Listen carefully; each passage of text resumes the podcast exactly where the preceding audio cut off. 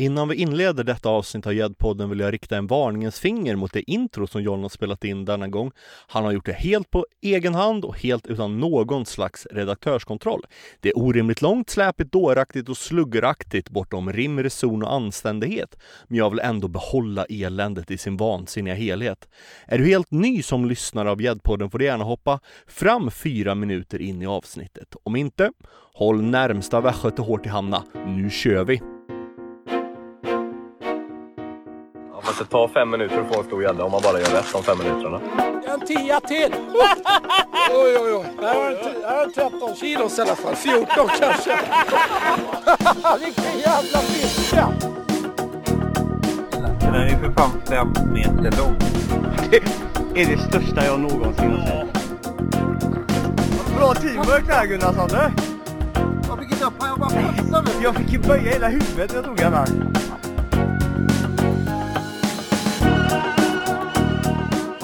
Du lyssnar på Gäddpodden med Oskar Trovald och John Safaradel.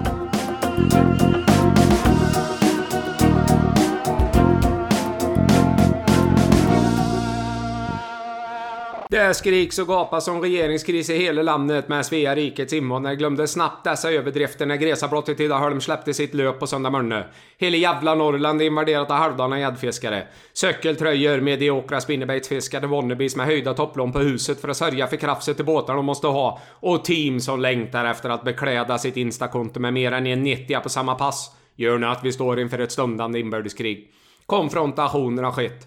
På Carmens grill och svets i Vansbro åka 08 med kotlettfrisyr och cykeltröja ankra två talons i motruven på ena granne 740 när han tankar båten. Han var så jävla uppspelt över en känd Youtube-produktionshymn så han dansade runt och åka trycka på fel knapp. Dessutom spelade 740 ägare Gurkman ju hel i knät. Handgemäng uppstod och stockholmaren fick vända hemåt med en 40 cm line för att det där där solen inte skiner.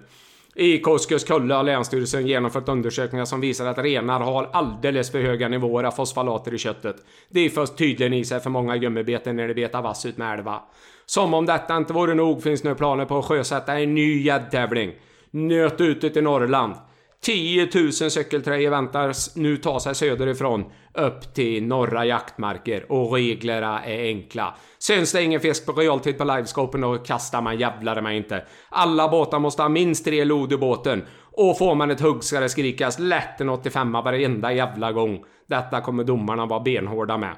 Dåligt sittande cykeltröjor är obligatoriskt. Kan en återfångst bevisas premieras detta med bonuspriset. Dessa nötas som en klädnad. Båtar får ej framföras under 50 knop i längre än en minut i stöten. Och de kändaste teamen får en tolk medskickat till båten som är expert på galet dåligt uttalade engelska uttryck. Och det som man vet att allt är för den goda saken, för det greenwashas jävlar mig inte något inom tävlingscirkusen. 20% av anmälningsavgiften går till att finansiera ett kollo på Dalarö där barnen får lära sig använda både livescope och ankra med dubbla talons samt att köra båt med fotpedal. Och hur man klär sig med en halvtajtig cykeltröja utanpå sen höstutstyrsel. Onödigt fiske, fokus på fiske där blir det inte och det hela ska givetvis sändas live på cykeltröjs svengelska på ena youtuber-kanal nära däck. Men god vänner, misströsta inte. Botgöringen är i antågande och någonstans utanför Ardala i ett biflöde till Flian bakom en stinkande minkfarm sitter en sävlig ursäktig gäddfiskare med spyflugor surrandes runt mun och bottenmetar med en halverpoppad nejonöga. Stanken av minkträck och foderflötet på hans hud har härdat denna son av slätta. Mannen från Falköpings utkanter där man inte varit berusad förrän man tömt alla kroppsöppningar samtidigt. Svensk gäddfiskes frälsare, längdmåttets förgörare, svensk gäddmetes svar på Johnny Logan, min man från Skaraborg, Oskar Trovald. Hur är läget? Eller ja, du svarar inte denna gång, men jag utgår ifrån att du känner dig lika produktiv som mig när vi nu kickar igång Sveriges bästa och smått notoriska podd. Gäddpodden. Gäddpodden är tillbaka. Eh, det blir, är väl jubileum va? Är det inte avsnitt 10? Det är dubbelsiffrigt så att jo det är det nog. 10, 10 avsnitt eh, på ett år. Vi är varken eh, Erik Niva eller Alex Schulman. Vi, vi producerar i den takt vi gör och fan, det- vi borde ju ha kommit med ett avsnitt tidigare. Jo, men nu är det ju så här. Slätta tar och slätta ger. Vi tar det i godan ro helt enkelt. Men Gäddpodden är tillbaka och vi kommer inte tillbaka med vad som helst utan vi kommer tillbaka med den mest framgångsrike svenska gäddfiskaren genom alla tider, Lars Öhman. Han kommer säkert inte erkänna det själv när vi väl pratar med honom men fan det är en mytomspunnen gäst. Ja det måste jag fan med säga alltså.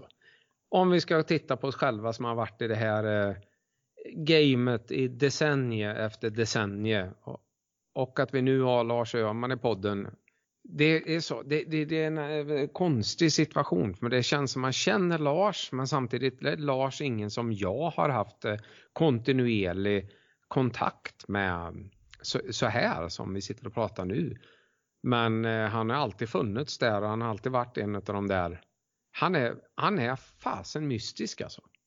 Han är lite mystisk, mytomspunnen, han är otroligt ödmjuk av det lilla jag har lärt känna. Mm. Jag vet inte, du har ju ändå skrivit om honom. Mm. Och det är ju hedervärt liksom att kunna behålla den här mystiken trots att han finns i sociala medier, trots att han är sponsrad eh, av ett eh, varumärke inom sportfiskebranschen så har han kunnat behålla den här mystiken mm. och integriteten och spänningen omkring honom. Det är alltid spännande med Lars. Man vet inte vad han pysslar med och hur han gör det, men man vet att någonting händer. När det är vår, när det är höst, ja, då händer det saker.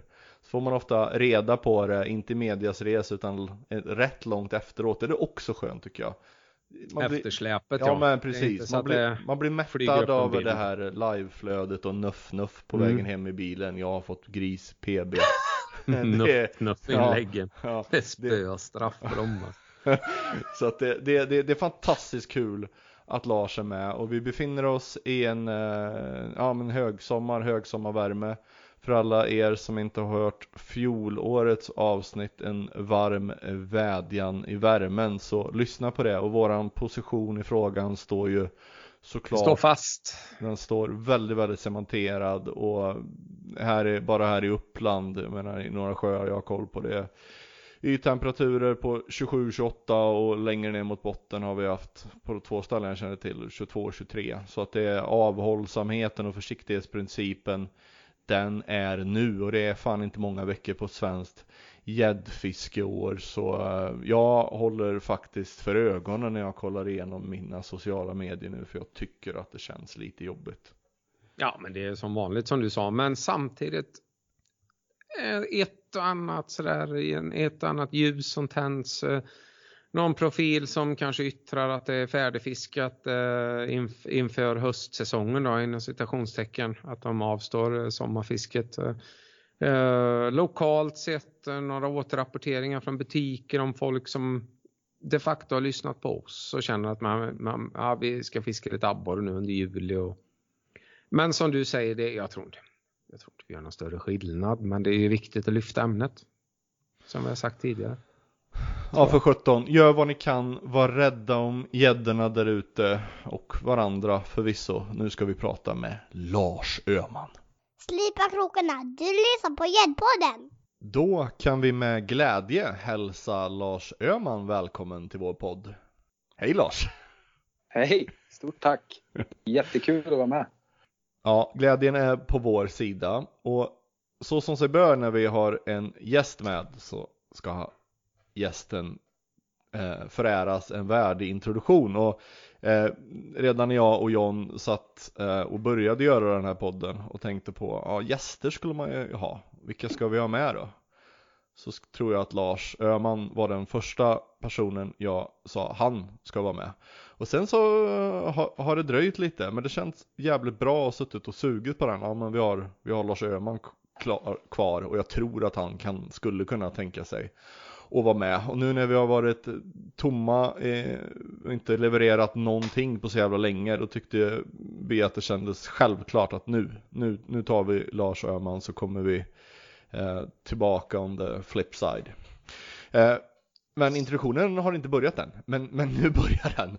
Eh, men så här, jag, jag, jag, jag skrev en, en artikel i Svensk Fiske eh, 2018 eh, om Lars som hette Kronprinsen från Sundsvall. Och den baserades på eh, att undertiteln, eller titeln Kronprinsen eh, följdes av en hisnande undertitel som hette Lars Öman och 167 norrländska gäddor över 10 kilo. Och kronprinsen i titeln eh, indikerade att han inte var långt kvar från att nå den som brukar eh, eh, sägas ha flest svenska 10 kilos gäddor genom tiderna och flest dokumenterade 10 kilos gäddor genom tiderna professorn från Heby, Thomas Folkesson, som mer eller mindre har ju lagt spöna på hyllan trots att han är ganska ung. Vi hoppas ju alltid att han kommer tillbaka. Men han hade, när jag skrev den här artikeln, eh, 172 eh, fångade storgäddor över 10 kilo, kanske han fortfarande. Och Lars var då bara fem gäddor ifrån.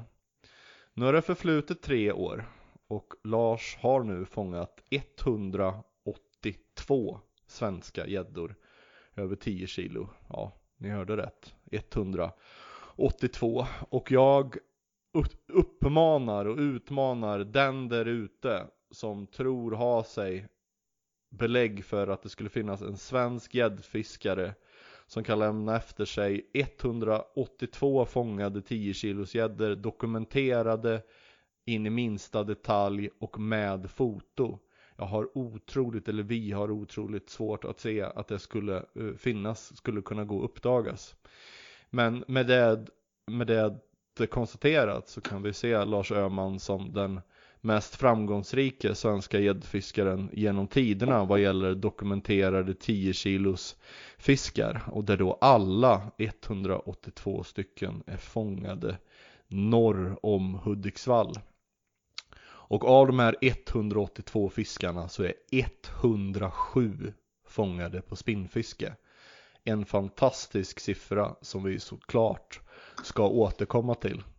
Och utöver att han har 182 svenska gäddor så har han en topp 3 över 15 kilo och han har en topp 10 där den minsta gäddan, minsta, väger 13,62 kilo.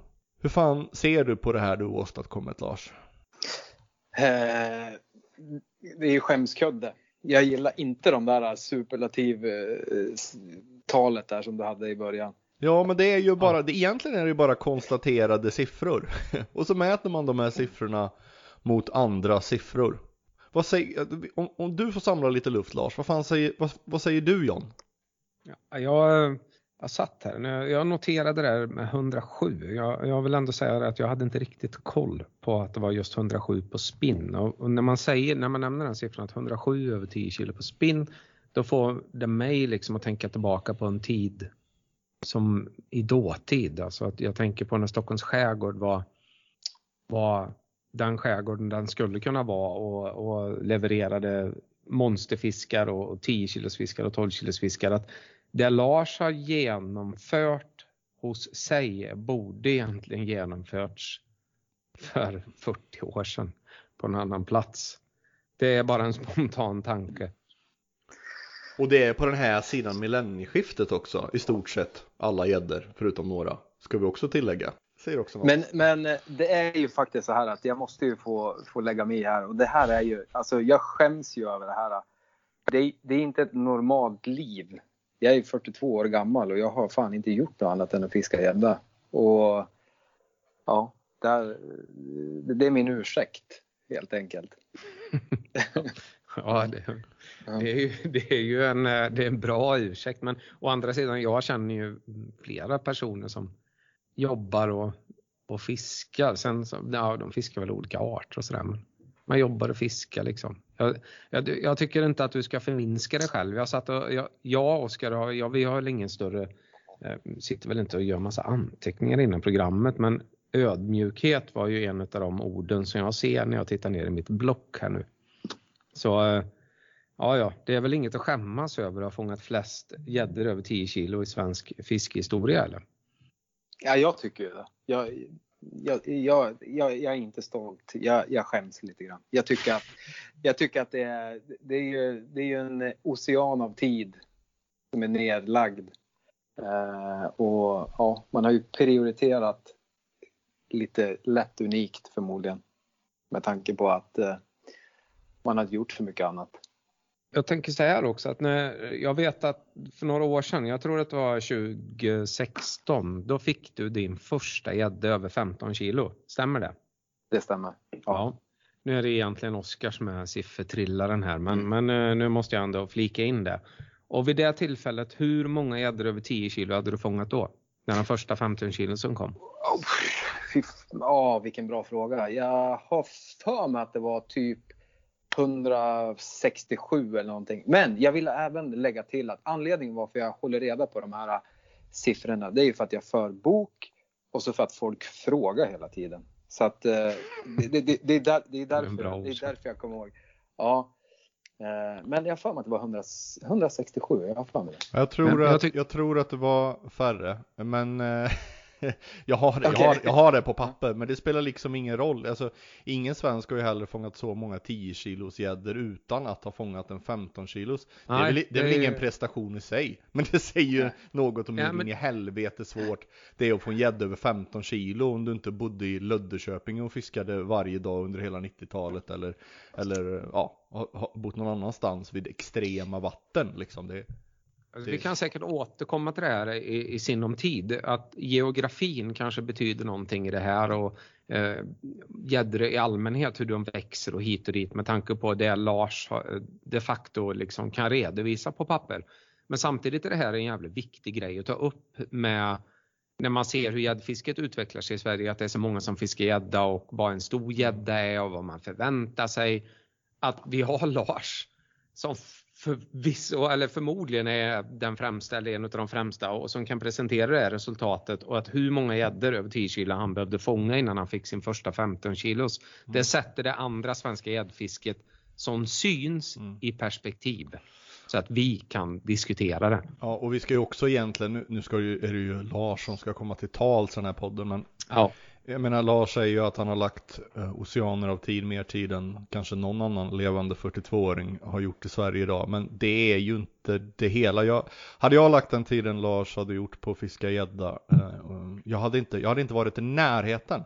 Jag hade inte varit i närheten av så här många fiskar över tio och det jag vet inte om någon annan hade varit det heller. Och jag skulle bara vilja citera här nu eh, din, din vapendragare Marcus Holmström. Han sa så här. Um, han är en enormt skicklig fiskare och har en grym bredd. Och detta bygger enligt mig inte enbart på att han lägger mer tid än alla. Vissa saker är medfödda. Han har det där lilla extra. Allt han gör är så genomtänkt, tålmodigt och noggrant. Hur han agerar i alla situationer i fisket, allt är så lugnt och naturligt. Och kollen när det är läge är ju helt otrolig. Han fiskar aldrig i onödan. Och det där är ju någonting eh, som man har återkommit lite när det gäller några, ja, men som Christer Lindström också är väl ganska en person mm. som har beskriven på precis det sättet eh, av sådana som har bedömt honom utifrån, ja men du till exempel John. Ja. Um, nu, sitter, nu blir det som att vi sitter och pratar om Lars här, men Lars är, är ju, alltså på tal om ödmjuk, så jag menar det har vi beskrivit många som och John säger att han är ödmjuk och många säger att de är ödmjuka men Lars Öhman han är, han är, han är ödmjuk på riktigt. Alltså, du var ju förut så, så du, du, jag tycker nästan vi kan ta den här. Jag tyckte den var så bra. Du, du, det märks ju på dig att du känner ett visst, eller obehag eller skämsel eller vad du nu eh, känner kring det här med, med ditt facit som gäddfiskare. Men du berättade ju lite förut om att du hade varit på en fest. Kan du dra den? Kan du inte dra den lilla anekdoten och de liknelserna som du drog? För, för det var ju så här att, att du var på en fest och så var det någon på den här festen som yttrade att du sitter bredvid Sveriges bästa gäddfiskare. Och, och vad kommenterade Exakt. du då? Ja. Nej, men jag, jag vill ju, jag, jag skäms ju. Jag, jag, vill ju åka hem. Jag tycker att, eh, fan, vad säger du för någonting? Det, det, det, är väl ingenting att vara stolt över. Så jag ursäktar mig genom att, genom att säga att eh, jag försökte förklara för en normal människa hur jag ser på det. Och, och det är ju liksom att det känns ungefär som att jag började bygga lego som liten tonåren går, jag fortsätter bygga lego. Jag blir 25, jag bygger fortfarande lego. Jag blir 30, jag bygger lego. Jag blir 40, jag bygger lego. Och sen sitter jag på en 50-årsskiva och någon säger att jag är bäst på att bygga lego. Tror fan att jag vill springa hem. ja. Hör ni mig? Ja, ja, vi, vi hörde, vi Ja, ja, hörde vi hörde. precis. Jag var där. Alla dagar i veckan. Bara processera din, din, skaka, din omskakande Ja. berättelse. Ja. Nej men, eh, men det är ju faktiskt så. Det är, det, det, är ju en lek som aldrig tog slut. Och, Mm. och nu är vi där vi är idag. Mm. Och du ser det kanske heller inte, alltså i sak så ser du inte att du är Sveriges bästa gäddfiskare.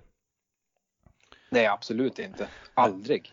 Det, det är omöjligt. Och det är, ju, det är ju i sak omöjligt att utse den allra, allra bästa gäddfiskaren. Man får ju någonstans vila i att konstatera siffror och eh, bedrifter som sticker ut. Och sen så får man värdera dem gentemot andras bedrifter. Vad, liksom, det får ju vara upp till var och en vad som är mest imponerande eller vad som slår högst och så. Så det är ju en väldigt eh, subjektiv eh, bedömning man gör när man summerar eh, och försöker ställa svenska sportfiskare jämte varandra. Det behöver vi inte göra mer än egentligen att konstatera ja, någon slags absoluta tal här. Vi, vi har ju aldrig tagit på oss att göra den ultimata utnämningen om vem som är bäst för att det går inte helt enkelt. Nej jag håller med. Det, det, är bara, det, eh, är bara, det, är bara, det, är bara att lägga ner. Det, är- det är ungefär som en Tänk om man hade sprungit på gym alla de här timmarna. Då hade man ju varit en muskelknutte liksom. Det, det, det är ju det är ju samma sak. Det är ju kvittot. Fan vad han har prioriterat skevt. Han har sprungit på gym hela livet. Nu ser han ut som en, som en valnöt. Jo men det är också det där, alltså, Ja. sen finns det ju någonting som, som, som blandar sig i här och det är ju det här med talang och fallenhet. Jag är ju faktiskt intresserad av bodybuilding. inte, för, inte som utövare utan som betraktare utifrån. Och eh, det behöver man ju väldigt, väldigt speciella anlag och väldigt speciell eh, talang. Och det är det jag menar att även om det finns många personer som skulle ha lagt lika mycket tid på fiske så är det ju inte sannolikt inte så att de hade ens kommit till närheten av det här. Utan det finns ju mer saker som spelar i. Och det, alltså man bör nog ändå konstatera att du har en stor fallenhet för att fiska. Eh, och det är ju ingenting som är genetiskt så i dina fysiska förutsättningar antar jag utan det är ju något annat. Vi har ju sett sådana där personer på nära håll där man bara ser att och känner att den här personen är menad att göra precis det. Jag är ju snarare, om man pratar om mig själv, en person som inte alls är menad för att fiska men försöker att göra det ändå och har ja, hankat mig fram. Men en del har det lättare eh, för att Kanske lyckas. fram på slätta.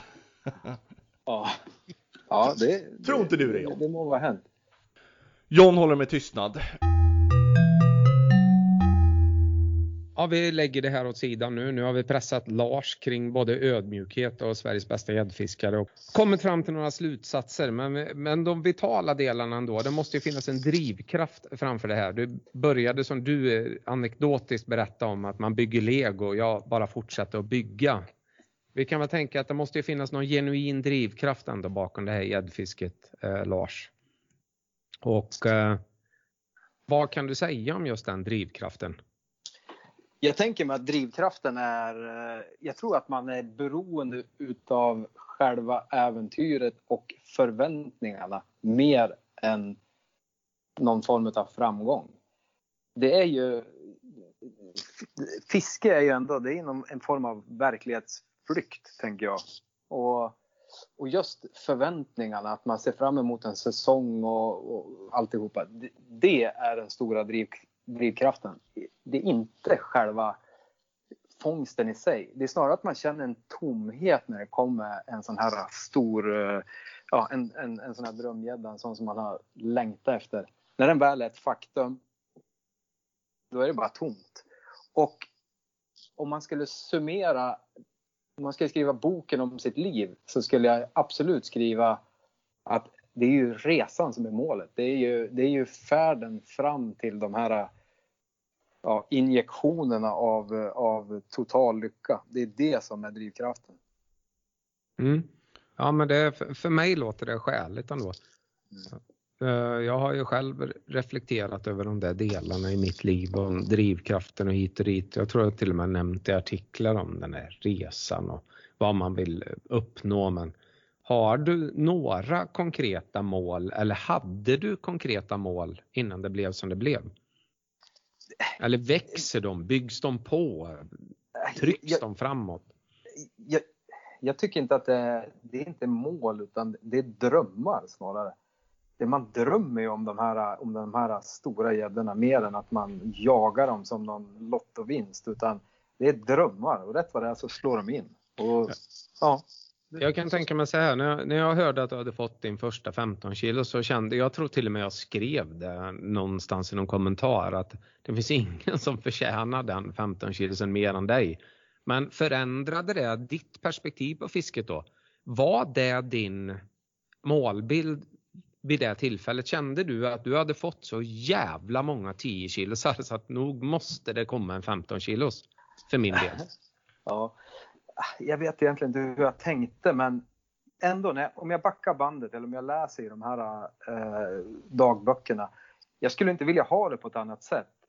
Jag har varit med och fått de här stora gäddorna tidigare, där kompisar har fått dem. Eh, och, och, det har ju bara liksom inspirerat och det, har ju, det är alldeles som att det har varit meningen att jag ska hålla på och, och drömma om de här fiskarna. Eh, för att till slut krocka med en, med en sån där uh, ultimata gädda Hur, uh, hur många 15 kilosar hovar du innan du fick kroken själv? Och bli hovad? uh, två har jag med i alla fall. Ja, två. Mm. Och de, jag minns dem lika bra och det är en lika stor upplevelse som, som min egen. Mm. ja. Jag minns att du eh, beskrev det. Du hade 157 gäddor hade du över 10 när du fick den där eh, eh, första över 15. Så var det. Mm. Eh, men var det inte just när du hovade den där 15 kilosen som, alltså när du väl fick se en, som att du, en sån ska jag också ha?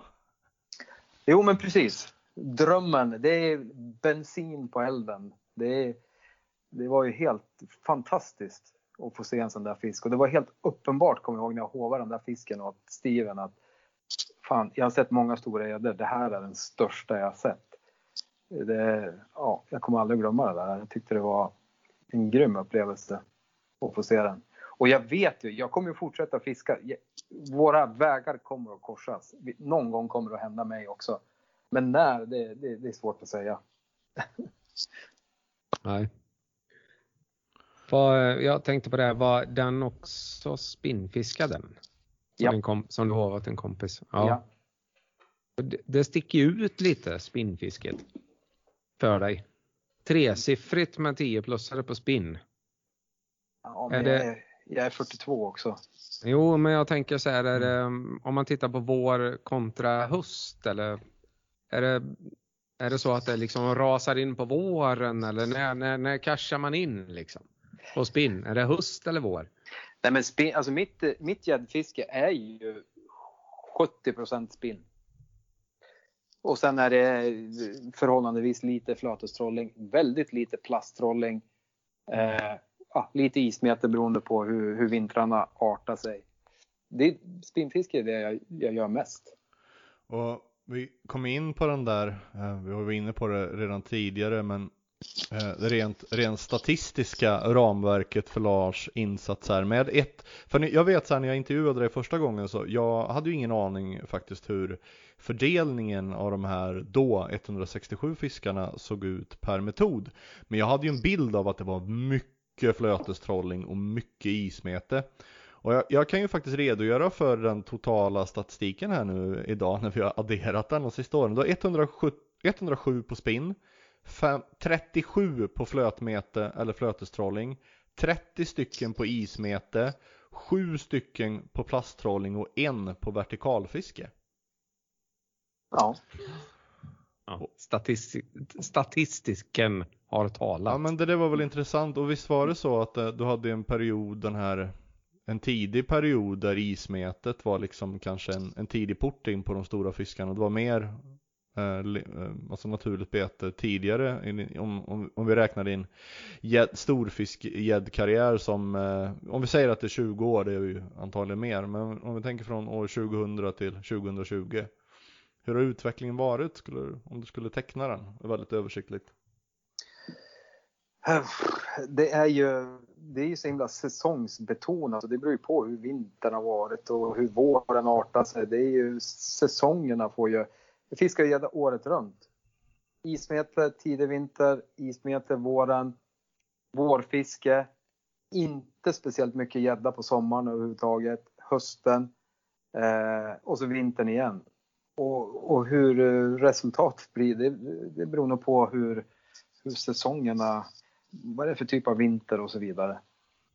Men du kan inte specifikt säga att nej, men det är våren jag landar fler eller hösten. Jag ser mig själv liksom här. Vår och höst är mina två ja, stora. Det, ja, vå- vår och höst. Vår och höst. Det är båda. Det känns som 50-50. Men det skiljer sig lite grann också från säsong till säsong. Det, det där är, vi är lite, det här med statistik, det är lite, det är lite idrott. Det är lite målprotokoll. Mm. Det beror lite grann på hur man, eh, ja, hur man kommer in i det, hur man, ja, vad man får för flow eller vad man ska säga. Det, det känns lite grann som, som någon, någon skyttetabell nästan. Det, Mm. det, det finns en, ja, ni vet säkert. Men om jag själv bryter in här då med lite historiska brytpunkter som jag redan skri- skrivit om det. Men när filmen Gäddfeber kom, fick du inte till och med någon slags prototyp eller något av, Trumman eller Buster eh, i butiken som du fiskade med innan? Men, men det, det, det hände väl någonting där med jerkfisket eller? Gjorde det inte det? Ja, eh, det där måste ju ha varit 2003 eller, eller någonstans där. Då fiskade vi mycket grunda vatten, eh, näringsrika sådana eh, vassjöar om man säger. Och fan, det var ganska bängligt och, och det fanns inte så mycket beten som passade där. En, en 19 cm flytsalt, den går ganska djupt. Eh, bomber 17A. De här, eh, det var ju piggarna som kom först. Det var de, mitt första möte med jerkbaits. Det var ju, det var ju piggen. Eh, och jag kommer ihåg, jag minns inte årtalet, men Buster och Trumman var upp och fiskade eh, någon gång där tidigt 2000. Och eh, han visade den där eh, prototypen på Buster Jerk. Men jag fiskade aldrig med den. Det, Ah, okej. det, För, och sen vet jag också att du berättade om, eh, alltså när, när jag då betraktar dig utifrån och så ser de här, jag tänker på dig mycket som spinnfiskare nu men efter jag skrev artikeln, men och som, om man tittar på, på de här betena som du har använt och, och fånga dina, dina största gäddor med om man ser topp 10 så sticker det ut lite, alltså antingen Alltså att du, du spinnfiskar platypus och du spinnfiskar jigg, eh, eller jigg, jag får inte säga det för John, men gum, Gum, gum, gummi, gummibeten, fan. Eh, innehåller det hela spektrat? Är det allt? Eller är det några liksom delar i spinnfisket som du känner att, alltså, som du ringar in som det är det du helst bedriver och som du känner att du har bäst framgång med? Alltså valet av bete, det känns lite grann som Johns sån här gammelsaltare när han är ute och trollar. Man har ju lite emotionella glädjekopplingar till vissa beten och det beror ju på att man har fått någon bättre gädda på dem. Och så sen, det är ju så det funkar. Det finns ju ett självförtroende i de där betarna Och jag väljer ju att använda dem där. Det är ju, det är ju för att jag har fått på dem. Och det är som en första femma i, nu är inte jag någon idrottare, men det är som en första femma i, i, i hockey. Det är ju, jag har ju, det är ju, det är platypus, 27, hypotis 25 och så är det lite andra, lite handgjorda beten och så vidare som, som jag fiskar med. Men det är ju för att de får ju förtroende. Mm, mm. De har Hur tänk- levererat. Ja. Ja, hur tänker du med platypusen där när du spinnfiskar den? För att det, men det måste jag ändå säga att jag är ganska, mm, jag är inte erfaren användare av, eh, jag använder ju den när jag trollar, jag blir påtvingad liksom, jag blir tvungen med tanke på mina vänners resultat. När du spinnfiskar platypusen, är det i, är i stort sett enbart när det är ganska kallt i vattnet eller? Ja, eh, jag gillar ju den där när det är kallt i, vatten, i vattnet. Och tidigare, innan platypus fanns, då, var det, då fiskade vi med, det var ju sjunksalt och, och Mm. blyad salt och så vidare. Eh, men eh, de vart ju ganska dyr på, ja, eh, de gammelsaltarna som jag har, de tycker jag, de tjänar större syfte som, som minnen nere på, på väggen på nedervåningen. Och när Platypus kom så för mig var det helt uppenbart att den här kommer göra samma jobb, om inte Mm. bättre. Eh, och, och det gör den ju. Den kastar bra, den krokar bra och den går att fiska precis på samma sätt. Och Ja. hur, hur vi fiskar den är ju superlångsamt. Den, den ska inte röra sig, den, den går bara som en pinne och så med något litet knyck med veven bara, ett litet ett litet rop på hjälp. Och här är, väl på, här är det väl ändå på plats i uh, vår oberoende podd att säga till de som inte vet att Lars har ett samarbete med Westin ju, om vi ska vara liksom uh, korrekta. Men det kan, ju, det kan ju till och med jag konstatera, jag tycker Platypus är ett fantastiskt bete. Och just det där, jag fiskade också med sjunksaltar en gång i tiden och spinde med dem. Jag hade inga fina, men ja, butiks um, sådana. Det, det, det, är ju, det är ju ett fantastiskt bete. Det har vi konstaterat tidigare i den här podden. Ja, men den, de har rätt egenskaper. Det är väl just det att Lars är väl någon som har lyft att man, att man de facto kan spinnfiska. Men ja, det är för att absolut. det är så jävla populärt att spinnfiska med alla andra gummibeten nu. Mm. Det, det, lyfts aldrig fram där och det är klart det finns ju kommersiella intressen i det här varför det är bättre att lyfta fram andra saker som ett spinnbete. Mm. Så att eh, Lars, eh, ja givetvis knuten till ett märke men ändå en frisk fläkt vad gäller det här. Att man kan faktiskt spinnfiska med någonting som är hårt. Och, eh, och att det är platypus det är inget konstigt för mig med tanke på hur, hur det har levererat på trolling i låg fart så varför inte spinn? Men eh, ja, jag står vid det jag sa tidigare där. Det blir naturligt så att det blir mycket gummibeten och en del jerkbaits också för den delen. Men... Ja, jag, jag tycker det är skitkul mm. att vi pratar annat än jigg, gummibete. För, för att ja. just det här med att studsa eller fiska liksom hårdbeten, wobblers liksom längs botten. Det, det, det, det, föder någonting i mig. Jag tänker på David Lundqvist 17 plus i Rygen när han åkte dit och, och fiskade sjungsalt. Jag tänker också på en episk artikel, en gösartikel när man spinnfiskade. Eh, det kan vara fiskefeber, borde det varit. Eh, kring 26-7 eller någonting, någon fiskade gös med sjunkande high-low som de studsade på mm. någon Smålands var... stenbotten. Det var 20, 20 gramman. Ja, jag, mm. jag, tror att det var den tvådelade Highlown och Exakt. att mm, jag tror mm. att det var i sjön Krön. Ja, men en jävla, alltså sånt, det där föder någonting igen. Det är, något, det är något, det är estetiskt tilltalande tycker jag. Ja, men det är det, det är det. Och i synnerhet i dessa tider så är det någonting med hårdbetarna som får en att gå igång lite. Mm. Jag, jag känner så i alla fall. Man jobbar lite i motvind så att folk glömmer av hur effektivt det kan vara att fiska ett vanligt hårdbete.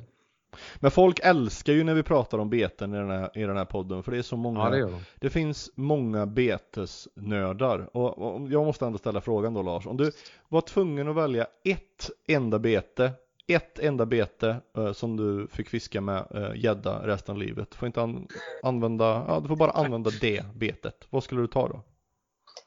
Jag vill ju poängtera att hellre fel bete på rätt plats. Oh, än ja. rätt en rätt bete på fel plats. Det måste ju ändå vara nyckeln. Men ett bete, oh, den är ju omöjlig vill jag Ja påstå. men om, om, du får välja, okej okay, jag konkretiserar frågan jättemycket. Det här gjorde jag väl på samma sätt eh, för någon, eh, var det Christer eller? Du får välja ja, mellan levande mört och platypus. Ja, jag, fisk, jag fiskar hellre spinn så då, då tar jag platypus. Ja. Bra, ja. då tycker jag vi kan vara hemma med den frågan. Den duger, eh, duger för mig. Visst ja. var det Christer som sa mört va? Var det inte så? Någon var det som svarade mört i den här podden. Det är jag som har svarat mört tror Nej, jag. Nej, det var nog Jocke Eriksson som svarade mört till och med. Jo, jo, men det har han nog gjort. Men jag ja. tror att jag har fått skit för att jag svarar mört vid ett tillfälle. Ja, du var svarade vi, ju för fan. Vi gjorde livesändningen ja, på Ekerö ja, med Jano. Det var ju, du svarade ju det i, i direktsändning mört ja. Ja, ja, jag gjorde det i direktsändning. Det, det var jag skrev bara plast, plastmannen. Men det var ju ett sån här ryggmärgssvar. Det var ju jättefint när du smekte fram det.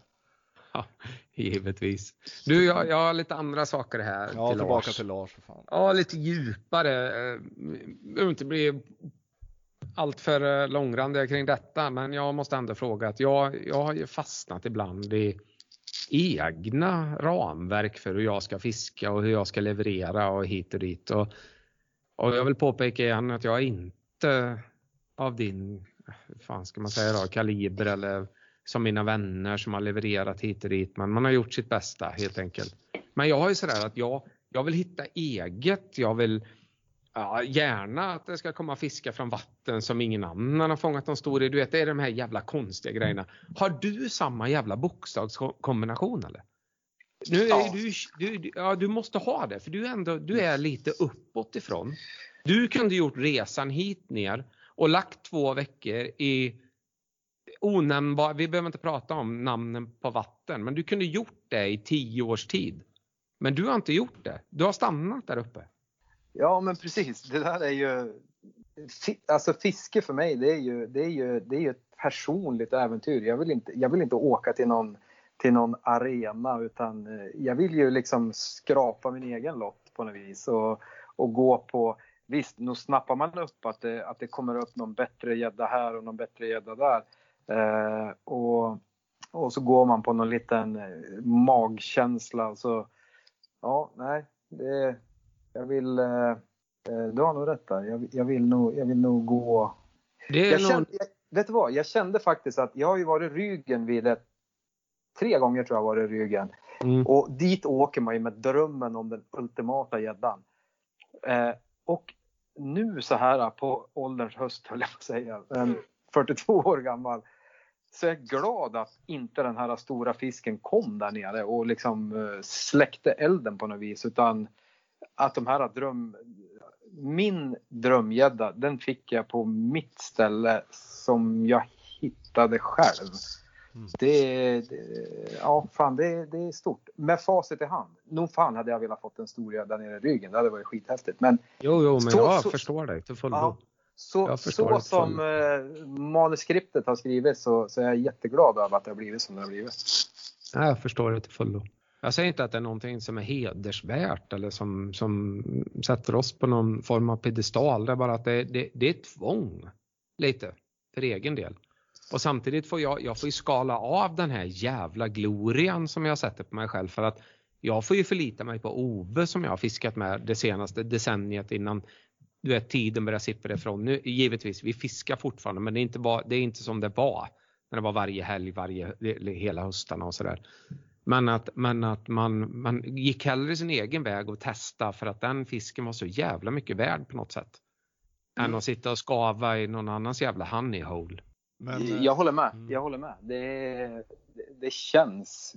Med facit i hand, när fiskarna är landat så, så minns man de här som man har snoka reda på själv. De, de sitter som ta fan tatueringar i, i svanken höll jag på att säga. Men ja, det, det är någonting annat. Men jag gillar de här historiska perspektiven. Jag menar när du, när ni började eran, du och Rickard, er storfiskegäddresa kring millennieskiftet, åren som följde efter. Eh, mycket måste ju ha förändrats. Alltså jag kan tänka mig att nu, är det, är det no, säger så här då. Är det någonting vi får in i synpunkter eh, till vår podd och människor som hör av sig som vill att vi ska ta upp så är det många personer från norra Sverige som beskriver sig som norrlänningar som är irriterade över hypen det är på att fiska gädda i norra Sverige och att de känner att alla uppmanas via produktioner med mera och mera att åka norrut, fiska Norrland. Nu är Norrland vad det är, två tredjedelar av Sveriges yta, det är stort som fan men visst måste det ha, ha förändrats. Det du fiskar nu fin- borde det finnas fler gäddfiskare än vad det gjorde för 15 år sedan. Kan du laborera kring det där på något sätt? Ja, absolut. Det är ju, det är ju, skillnaden är gigantisk. Det är ju, nu, vi, vi, står ju, alltså, vi står ju och bankar på rutan till samma akvarium. Alla gäddfiskare känns det som. Eh, metaforiskt talat. Eh, på gott och ont. Mest ont. Eh, jag tycker, alltså man borde ju försöka fan, åh, hitta något eget. Men känner Ja. du fortfarande att du hittar eget? Hittar du nya grejer hela tiden? Fortsätter du att leta? Nej, egentligen. Jag har ju, alltså den har ju falnat lite grann den här glöden som man hade för 10-15 år sedan var man ju vildare än vad man är nu. Men Men känner du att de är hungrigare? Eller att de... folk idag är hungrigare än vad vi var för 10-15 år sedan. Sociala medier, vi inspireras av bilder, man snokar reda på saker och ting. Man åker långt. Det är, det är stor skillnad. Vi, vi känns som eh, det vi höll på med för 10-15 år sedan, jag och Rickard, när vi åkte med, med Linder 440 på vagn. Det var... Vi, vi är ju som eh, någon jävla snigel som drog fram. Vi hade... Vi, ja, jag vet inte. Vi, vi var inte het på samma sätt som man är idag. När man går på sociala medier och så vidare. Har du känt Men vi- någon, stress vi- kring det här med dina fångstvatten? Alltså är det, har du känt svårare att hålla det hemligt eller? Ja, men en stress. Ja, jo, men absolut. Det känns ju som att eh, folk är ju mer nyfiken av var fiskare fångade än, än, än att de är imponerade. Nej men alltså, Ja, men det, det- nej, jag förstår vad du är inne på. Alltså att man, att man är mer intresserad av vad fisken är, är fångad än att man faktiskt kan liksom bara vila ögonen och njuta över en fantastisk skapelse. För det är ju så, alltså väl, väldigt många av våra allra största fiskar reduceras till antingen ett, bli en jigreklam eller två, eh, en väldigt, väldigt hets kring var fisken är fångad. Och det är ju tråkigt för att alltså, den där stora gäddan, den här unika skapelsen när de kommer upp över 14, 15, 16, alltså den där gäddan i sig, bilden, upplevelsen av bilden, den är, ju, den är ju värd allt tycker jag som betraktare.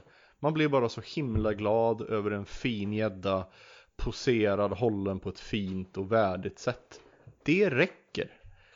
Ehm, men alltså det är väldigt många som lockas av genvägar och det måste ju ändå du liksom stött... Du, att kontakten med dig eller att studera dig måste ju ses som en given genväg. Det är klart att fo- folk blir säkert jätteinspirerade och, och, och liksom drömmer iväg men jag tycker ändå inte att, jag har inte upplevt någon Ja, Ja, du menar att du inte har haft en bil som har förföljt dig på morgonen? Och inga GPS-puckar under heller, har du aldrig kollat. ja, det, ja fan. Ja, det, har ju, det har ju hänt i och för sig. Men, Har du kollat det? Har du lagt dig på, har du lagt dig på bröstet för att snegla efter? Underbart! Vilket avslöjande! ja, Ja, det den den Men- frågan säger ju allt. Det säger, det säger ju Lars att du har ju ändå funderat över det här. Jo, det har du. du, du Ja, Det- men det, jag, jag, tycker det är en så här, ganska tråkig grej att och, och Mm. liksom diskutera egentligen. Men, Ja, men men det är klart att folk, folk blir inspirerade. De vill ju ut och bara fånga. Det är, det är ju så. Jag, jag, jag- jag, ursäktar det på något sätt ändå. Men Jag vill, eh, jag vill, eh, då, då vill jag vända det. Du behöver inte känna någon sån eh, personlig stress. Jag vänder det till mig själv. Jag, jag har inte det pannbenet längre att komma till en plats som jag har hållit för mig själv och för min fiskekamrat i kanske över två säsonger. Och så ser jag någon annan som är där. Eh, jag vänder. Jag kommer inte åka ut då. Jag, jag, åker inte, jag rampar inte ens så det har tagit sig löjeväckande eh, historier alltså om hur vi ska leta och vart vi ska rampa. Vi rampar ju på ställen som inte är ramper längre bara för att slippa annat folk. Känner du den stressen? ja, absolut. Och eh, jag har även varit med om att jag, jag gör precis samma som dig. Ser jag en båt eller en bil på rampen. Jag har vänt många gånger. Jag har till och med exempel på när det, det är liksom att tänka positivt. Det har fört mig till andra vatten och har gjort att jag har Det är sig Ja. jävligt bra. Ja, det, det, jag har inte åkt hem utan jaha, ja, jag kan inte åka ut här. Jag åker, ja men då åker jag dit. Och så, Mm. har, det, så har det visat sig vara, oj, hjälp. Det här var ju, det här var ju något nytt. Och så har det liksom, ja så att det, det, man kan ju se något positivt i allt negativt. Om Men man- jag har känt att det är ibland sådär att jag tänker, är jag allt för pessimistisk? Har jag fastnat i den här skiten? Vad är jag på väg liksom? Ska jag sluta med det här? Är jag destruktiv som människa? För att det här har ju handlat om vatten som vi inte ens har fått att leverera. Jag vänder alltså vid rampen vid en sjö som inte har gett mig en gäddjävel på kanske ett eller två pass. Men jag och min kompis kanske tror att det här har någonting. Och ändå gör man det för att man är så jag vet inte. Jag vet inte om allt det snurrar som en orkan där ute och det får en att reagera på konstiga sätt och jag vet inte ens om det är rätt längre.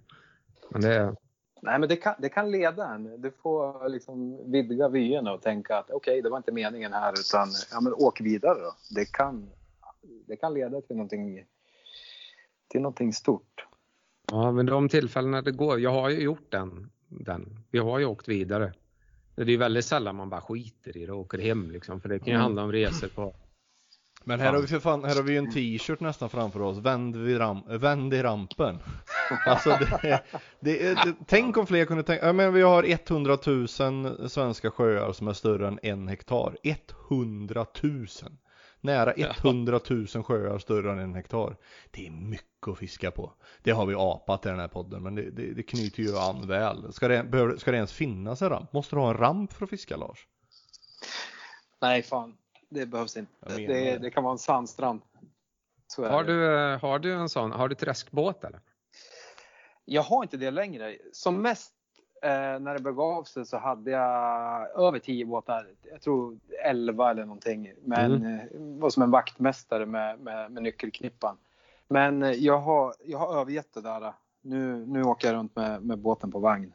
Mm. Eh, ja, det Jag känner igen det där. Min, eh, min båtpartner hade ju, han överraskar alltid sådär från ett år till ett annat. Jo, jo, jo, jo jag har nog en båt där borta någonstans. Alltså, Okej, okay. ja, ytterligare en. Han hade elva tror jag som mest.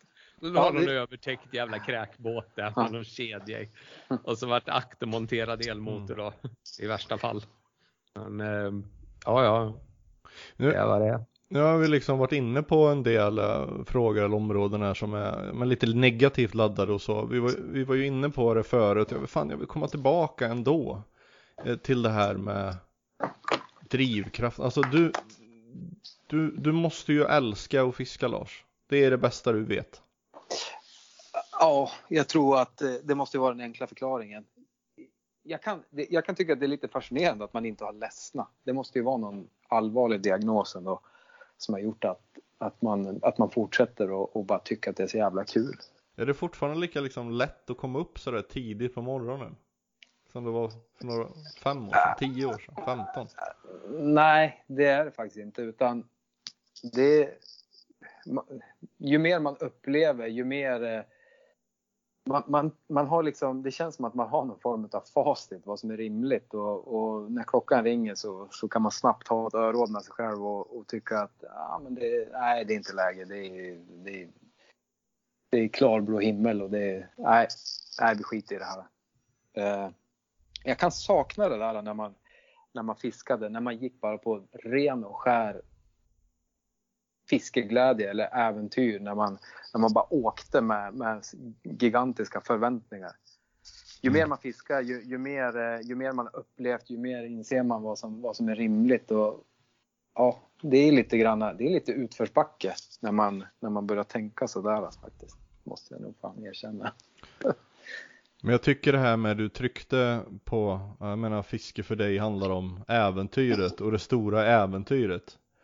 Och jag tycker det, det, där är, det där är värt att tänka på och allt, många tror jag som fiskar skulle kunna tänka ännu mer på det.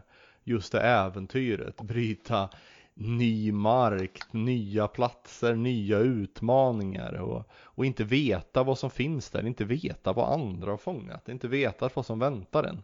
Det är ju bland det allra finaste vi har i den här hobbyn. Jag håller med. Jag håller med. Och när man, när vi också pratar om liksom de här Eh, positivt laddade och så kan du ändå, om du, om du tänker tillbaka på de här eh, 20 åren, eh, 20 åren som dedikerad storgäddefiskare, alltså är det några speciella ögonblick som, som, som ploppar upp som de lyckligaste eller de, som de största? Är det, är det kan ju vara mer vardagliga fiskeupplevelser också. Så vad värderar du högst från de här 20 åren? Om du liksom får titta bakåt. Eh, det var en bra fråga. De starkaste, de starkaste upplevelserna det är ju de här stora fiskarna, drömfiskarna som har dykt upp. Och sen, eh, det spelar egentligen ingen roll om det är jag som har fått dem eller om det är någon kompis. Det är ju såklart jättestora eh, ögonblick. Och fan, jag minns vi tittade ner i hoven och, och får se den här 15, den första 15 kilosen. Det var ju, det var ju magiskt. Men, men det är ju ändå, fan. Alltså, det är ju ändå förvä- alltså att kliva upp tidigt, kaffe i bilen, förväntningarna, alltså det här äventyret.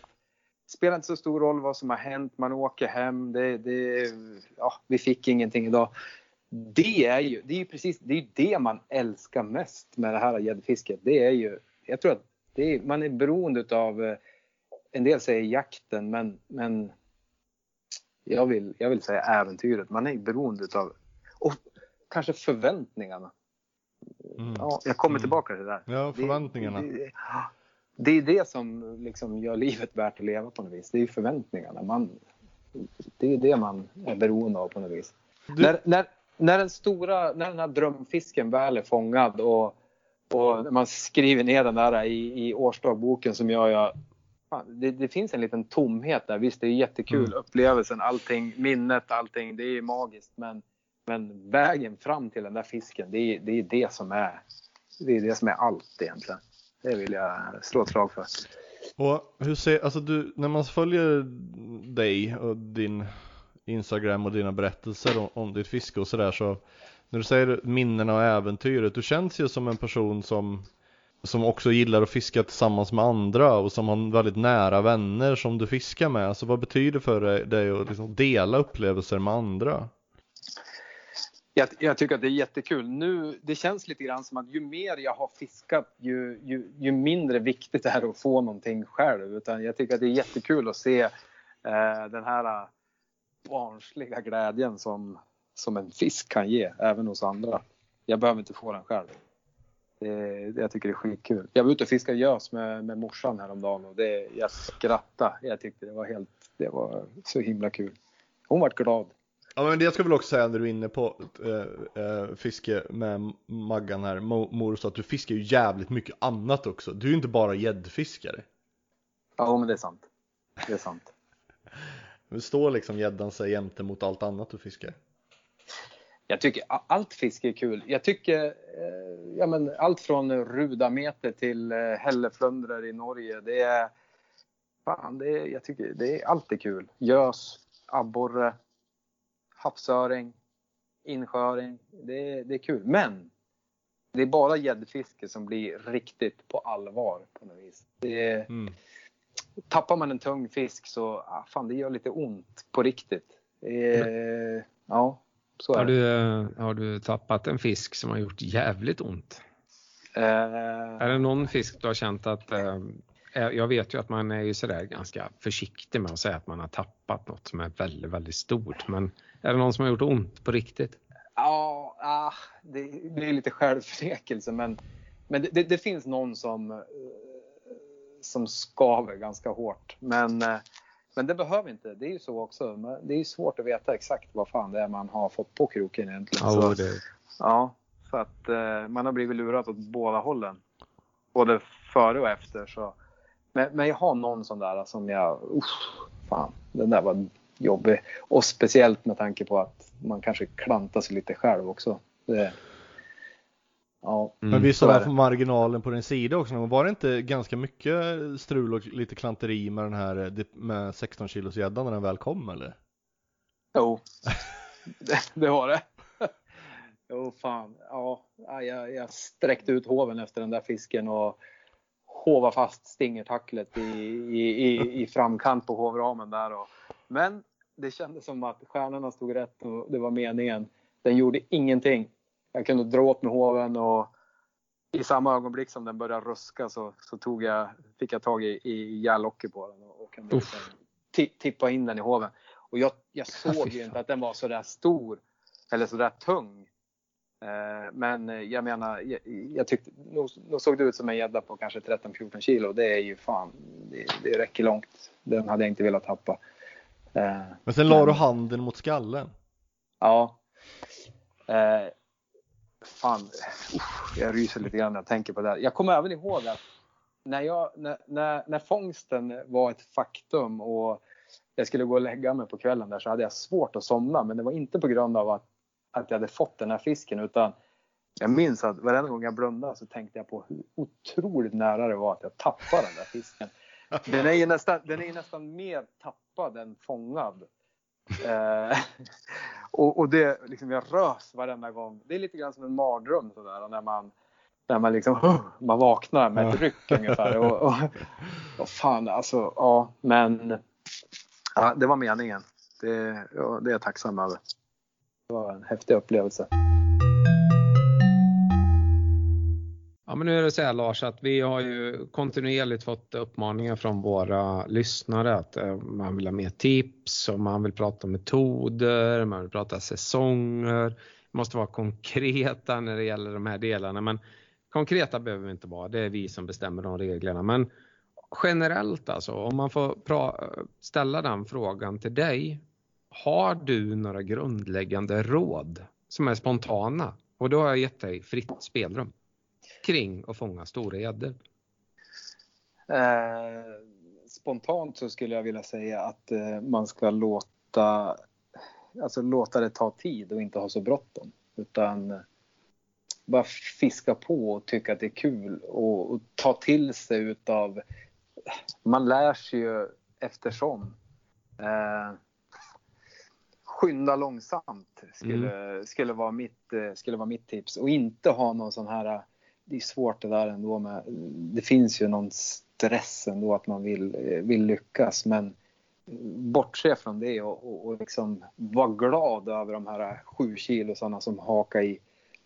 Och ja, det, Mm. det, det, det, det känns som en, en, en, en, en, ett sunt tips på något vis.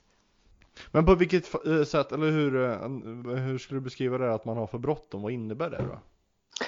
Ja, men bråttom, då tänker jag att man är som stressad av eh, man ser bilder på sociala medier och, och, och man, vill, man vill få de här stora gäddorna.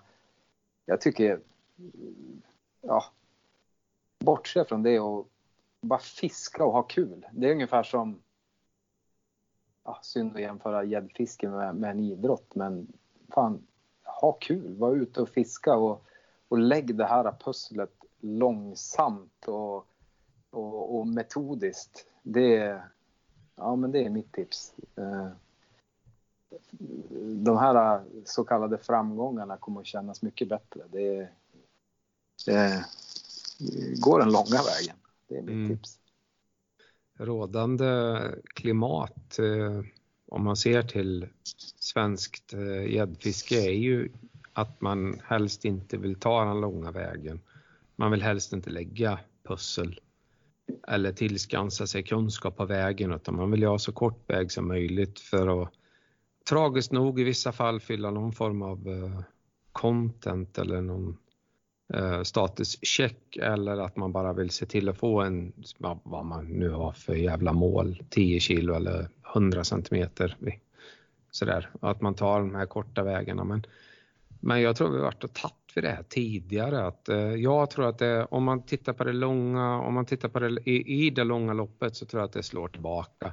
När det vattnet de är och härjar i nu, där de har fått en räkmacka eller en gratis eh, eh, en gräddfil in eller vad man ska säga.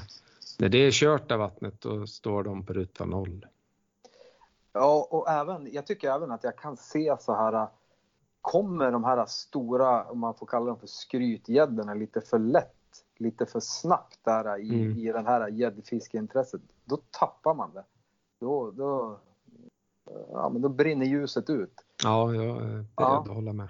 Ja, och det, det, fan, visst, det kan ju hända och ja, det må väl vara hänt. Men jag tycker att, fan, för att uppleva det här hela vägen, då kravla fram och, och liksom gå hela trappen upp. Det, jag tycker det är lite, lite vackert Ja, men jag- ändå. Jag har något jag kan droppa på dig. Jag vill inte, det, och det är absolut inte för att förminska vissa fantastiskt duktiga gäddfiskare ute med ett CV som är utav Guds nåde. Men jag har alltid varit lite fascinerad av antalet vatten. Man har fångat 10 plus C. Hur ställer du dig till det? Ja, men vad då? Det är ju det är ju den här upptäckarglädjen och det, Mm. egentligen, man har ju inte, om jag, om jag ser till mig själv så har jag ju inte, jag har inte, jag har inte jagat antal 10 kilo så här, utan det är ju en, jag kommer tillbaka till det hela tiden, det är ju det här äventyret. Man åker på, på, Mm. ett, på ett rykte och, och man, man liksom, man provar sig fram, man hankar sig fram och man får lite erfarenheter och rätt vad det är så så, så kan man ta de här nya vattnen som man, som man testar. Man har med sig erfarenheter från, från andra ställen man har varit. Och det, det, det är det som är gäddfiske för mig. Men, men har det ändå spelat så pass stor roll så att du skulle, har du koll på hur många olika vatten du har eh, fångat en 10 kilos i exempelvis? Eller? Nej, inte, inte på rak arm nu, det har jag inte. Men, Nej, men det rör sig åtminstone, det är över 20 vatten eller? Ja, ja men någonstans där. Och, Ja. och grejen är ju också så här att alltså, kommer man till de här vattnen som är orörd. Det, det skulle jag vilja säga faktiskt att jag har jobbat i fiskebutik och man har ju fått mycket information av, av diverse kunder som har berättat om en lina som har gått av och man har lagt ut ett nät och fått den, upp den där gäddan och den vägde 11 kilo hit och dit. Det är de vattnena man vill Mm. åka till. Jag vill inte åka till vattnet där John håller på och, och skrapa hål i gäddorna eller, Nej. eller O- Oscar fiska utan jag vill ju åka till de här vattnena där sällanfiskaren har fått stora fiskar. Det är dit Ja. man vill. Man vill ju till de här ja, orörda. Det är det. det är, för min del så, så är det så.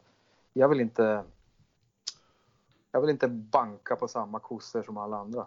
Men nu när vi ändå pratar eh, i viss mån känsliga ämnen. Jag är ju eh, den av mig och Oskar som oftast kommer tillbaka till det om svenskt storgäddfiskes framtid. Jag är mest bitter, jag är en pessimist. eh, eh för mycket. Jag får luta mig emot och lyssna och sådär för att kunna komma tillbaka och landa. Men tror du på svenskt storgäddfiske framöver? Har vi en plats där ute, vi som jagar de här stora? Ja, jo men, jo men det tror jag absolut. Det finns, det finns vatten att upptäcka. Det, så är det absolut. Det, det gör det. Men, men sen om det kommer till allmänhetens kännedom, det, det är ju en annan femma. Men nog fan finns det ställen att, att upptäcka. Det gör det absolut. I alla fall i norra halvklotet jag på att säga. I norra delen av från Gävle uppåt. Det vill jag påstå. Det Mm. finns mycket att upptäcka. Men det svåra är ju också att det är svårt det där med självförtroende. Man kommer till ett nytt vatten och man kastar sina, sina gummibeten eller, eller, ja, man gör som man alltid har gjort. Och fan, det är ingen konst att vara på, jag, vet, jag sa det tidigare om bete, men det gäller egentligen detsamma med, med platser. Det är, det är ingen konst att vara på rätt plats fel tid. Nej. Det är ganska lätt. För- Det har man varit många gånger. Eh, och sen så har vi den här frågan som jag tänkt ställa från början som jag tycker ändå man måste ställa. Den här gäddan som lever för alltid som David Lundqvist brukar säga. 17 kilos fisken. Drömmer du om den? Finns den där? Tänker du på den? Jag tror att när man fångar sin, eh, sitt livsfisk, sin drömfisk, då, då känns det på riktigt. Och jag tycker att eh, fan, jag tycker det känns som att en, en sån där, jag, jag, jag kan se den framför mig, en, en, 100, fan, en 130-plussare på, inte vet jag, ja, 17-18 kilo. Skulle den välja att att hoppa på mitt bete så fan, det är drömfisken. Det är, det är den ultimata drömfisken. Det, det ska jag inte sticka under stolen med. Och det, det är någonstans, det är det, det är det man drömmer om nu. Så är det. Och du eh, blir eh, vid din läst. Du stannar där du är. Du kommer inte söderut för att uppfylla en dröm eller göra avkall eh, på dagar på din semester eller Nej, nej den här... Min drömfisk, den, den, den får jag där, där jag fiskar, höll jag på att säga. Det, den, den, är, den är tagen i, i, i mina vatten, där, där jag har snokat mig fram. mm. Och om det skulle hända, då... Ja, det, det, det kommer att kännas. Om du skulle tänka, om du ser, eh, försöker att se, säg 15 år framåt, du är 55 år. Tror du att du fortfarande bygger lego? Oj. Fan, det vore ju jättetragiskt höll jag på att säga. Bygg lego. Men, men fan, jag, jag är alltid... Vet du vad? Jag såg, bara häromdagen så såg jag en sån här pytteliten gäddsnipa på kanske... Eller den är till och med så liten så den är inte ens en gäddsnipa. En 6 centimeters. Du vet när de har den här rutiga täckningen över ryggen och, och knappt kan simma. Alltså de här som dartar iväg bara 30 centimeter. Eh, jag satt på en brygga och, och, och, och pratade med en kompis och fick syn på en sån här. Fan, det, det, är ju den, det var ju den fisken man förälskade sig i som en liten pojk. Det var ju den där lilla gäddan som, som var så himla fascinerande. Eh, Ja, fan. Ja, men Ja. jag, kommer, jag kommer alltid, jag kommer nog alltid, eller nog, det, jag kommer alltid att vara, att vara en, eh, en, en gäddfiskare. Sen hur mycket tid jag lägger ner, det, fan, det, har, det har trappats ner de sista åren. Nu, nu väljer man tillfälle på, på ett annat sätt. Man är inte lika tokig som man var för, för tio år sedan när man bara matar på. Nu, jag, har, jag har definitivt trappat ner, men jag kommer nog alltid vara gäddfiskare. Om, om jag så är 55 år, hjärtat kommer att slå för de här gäddorna, det tror jag. Vi inledde ju den här, eh, det här avsnittet med att, att känna på hur pressad och eh, obekväm Lars blir när man pratar om eh, vilken position han har eller vilken status han kan tänkas ha som svensk, eh, svensk storgäddfiskare. Men det är otvivelaktigt så, Lars Öhman, att du kommer inom, inte kort, men inom en framtid nå 200 gäddor över 10 kilo. Är det något du själv har reflekterat över? Nej, Nej. nej det har jag inte. Jag förväntar mig inget annat svar. Nej. Oskar, vad tror Ja, men jag vill gärna att Lars ändå, fan kan ändå inte höra av dig lite så här halvdiskret när du väl når de där 200? Jag skulle så gärna vilja veta bara. Jag, jag kan sitta och suga på det själv, bara att vetskapen att 200, det är Ja, det är, det, är en, det är en magisk siffra för vi har nog ett antal svenskar som har nått 100 men jag har väldigt, väldigt svårt att se som vi varit inne på att någon skulle ha nått 200. Eh, Nej. Och med det allihopa så önskar vi er en fortsatt fin sommar och kanske återkommer vi till och med redan igen under sommaren John. Jag vet inte om Ja, jag måste säga det. Jag tänkte ju, jag lyckades ju inte för jag kan ju inte. Jag skulle göra något på Instagram där det står att, eh, att vi inte ligger på latsidan. Högst ironiskt som anstår John Safarad. Men, eh, men eh, jag har en magkänsla av att vi är tillbaka faktiskt. Och vi vill... Tidigare än väntat. Ja, spännande. Vi får. Ja, den här är ju, podden är ju ett besvikelse förr eller vad du brukar säga. Men jag, eller eh, Lasse, vi vill eh, tacka dig jättestort för att du var med i Gäddpodden. Hoppas du känns att det varit en, en rimlig upplevelse. Ja, jättekul. Eh, Ära att vara med med nördarna, gäddnördarna. Och när du firar 200 så hoppas jag fan att du kommer tillbaka. Ja, en kortis med, med gör man då när Ja. firar 200. Det får du fan komma med. Och tack för att du överhuvudtaget vill ställa upp och svara på alla jävla frågor och, och lätta på lite, i alla fall på ytan till dina hemligheter. För du är ändå den som är mest mystisk eh, och mytisk kanske. Utav våra storgäddfiskare där ute. Ja, nej, ja, nu skäms jag igen. Nu får jag leta reda på kudden. Mycket. Men tack ska du ha Lars. Vi syns Stort tack. allihopa snarare än ni kanske tror. Hur gammal är en älg?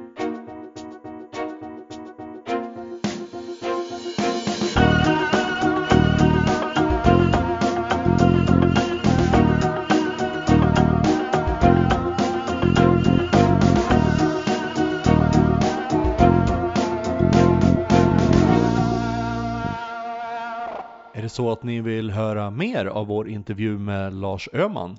Se till att bli en Patreon av Gäddpodden. Det blir du enkelt via att ladda ner Podbean-appen på din telefon eller att gå via länken som finns i vår Instagram-profil. Då får du tillgång till en 40 minuters intervju med Lars och en hel del annat extra material som vi har spelat in där under de senaste månaderna. Vi syns som Patreon.